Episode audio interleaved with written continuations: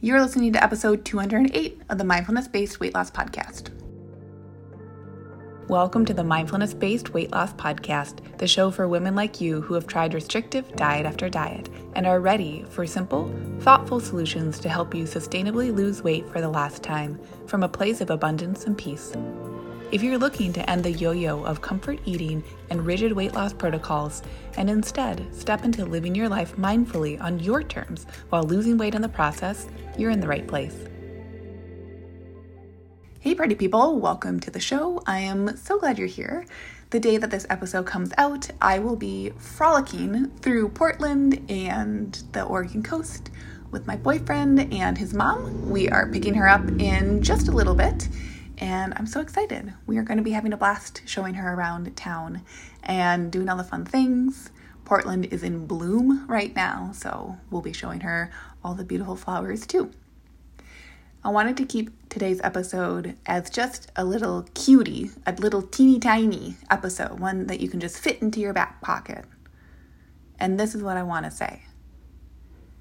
The title of the show is the difference between being here and going there, and I want to add a little context to that. All we have is being here, right? Like we are in the present moment. Whenever you're listening to this podcast, is what you have. You have the present. Very often, I think our brains conceptualize the past and the future as tangible things which is both kind of true, but actually, what I think can be useful is to remember that when we're thinking about the past or we're thinking about the future, all that we're doing is that we are thinking thoughts.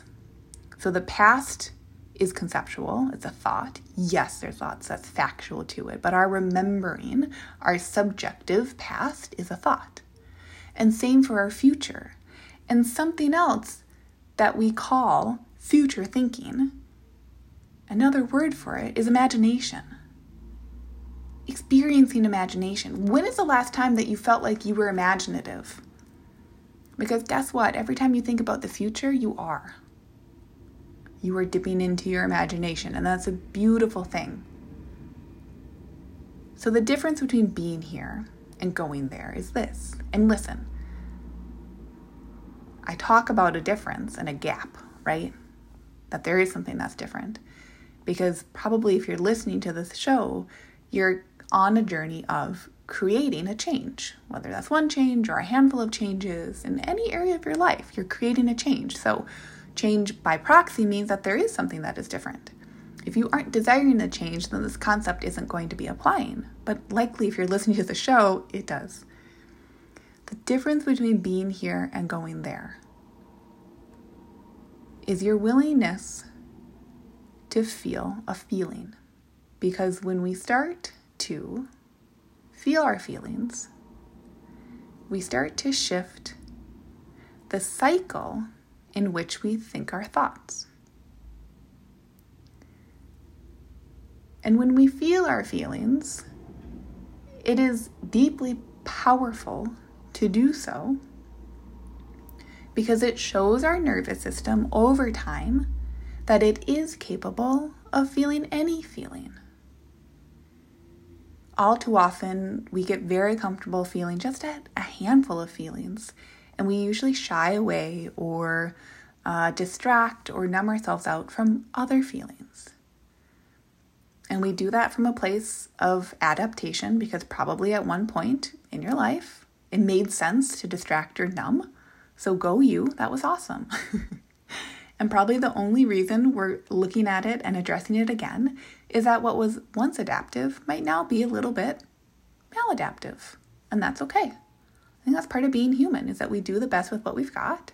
And at one point, we might start to look and notice, oh, I have better now, so I can do something differently. So the difference between being here and going there, and your going there, is your imagination about what it is you want to create to be, to have, what you want to be doing in your life in the future, is your willingness to feel any feeling. That changes the cycle of your thoughts and your feelings and your actions and what they reinforce. And that feeling doesn't have to be a big, huge, intense feeling. It can be the smallest feeling. That's what I want to offer you this week. Is that feeling your feelings? Is noticing noticing your relationship to your conception of feeling your feelings will be really, really useful. And I'll link up to different podcast episodes that I think would be really supportive if you're newer to the show. Go to the show notes because I'll add in a couple of links to a couple of different shows that will be useful. But when you're feeling your feelings, you actually have a relationship to that too. You have a relationship to your individual feelings. A relationship to what you think are certain feelings that you might discover, oh, it's a different feeling. You also have a relationship to feelings you felt in the past. But what I'm offering you today is that you have a relationship to your feelings in the future. And the way that you create and you imagine your future is based in how you are feeling your feelings today. It's kind of trippy, huh? So notice if your brain goes to the big pie in the sky feelings, immediately, oh my God, I have to feel this big feeling before I can do that. Oh, I have to do this huge thing before this would ever happen notice that relationship and you get to question that. Is that necessarily true? What would happen if I started with a smaller feeling? If I feel like I always have to practice feeling my negative emotions or emotions that feel negatively, that I have assumed are negative, what would happen if I flip that relationship on its head and I practice feeling a positive feeling?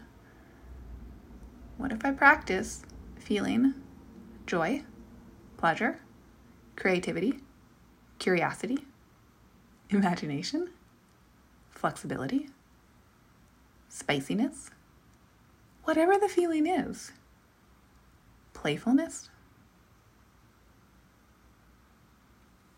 When you start to show yourself this emotional flexibility and really start to dissolve the all or nothing thinking, oh God, I've got to feel my feelings. I've got to feel the really big ones. Ugh. That's how I get rid of diet culture. Ugh, that's how I lose the weight. God, but I just have to feel a big feeling. That is the diet culture right there. Do you feel that?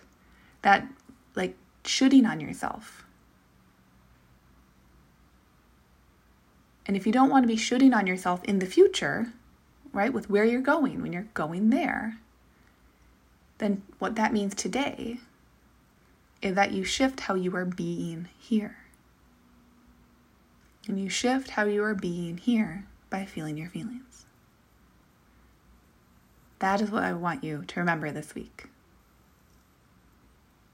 I hope you have such a lovely week, and I will see you on next week's episode. Bye. Hey, if you love today's show, I'd love for you to take a minute and give a rating with a review.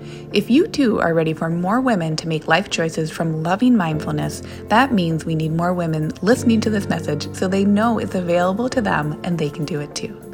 And if you're ready yourself, come join Lena Liberated, where we'll work together and you'll learn how to take this process to the next level in your weight loss goals, life desires, and beyond go to luciahawley.com. That's L U C I A H A W L E Y.com to connect.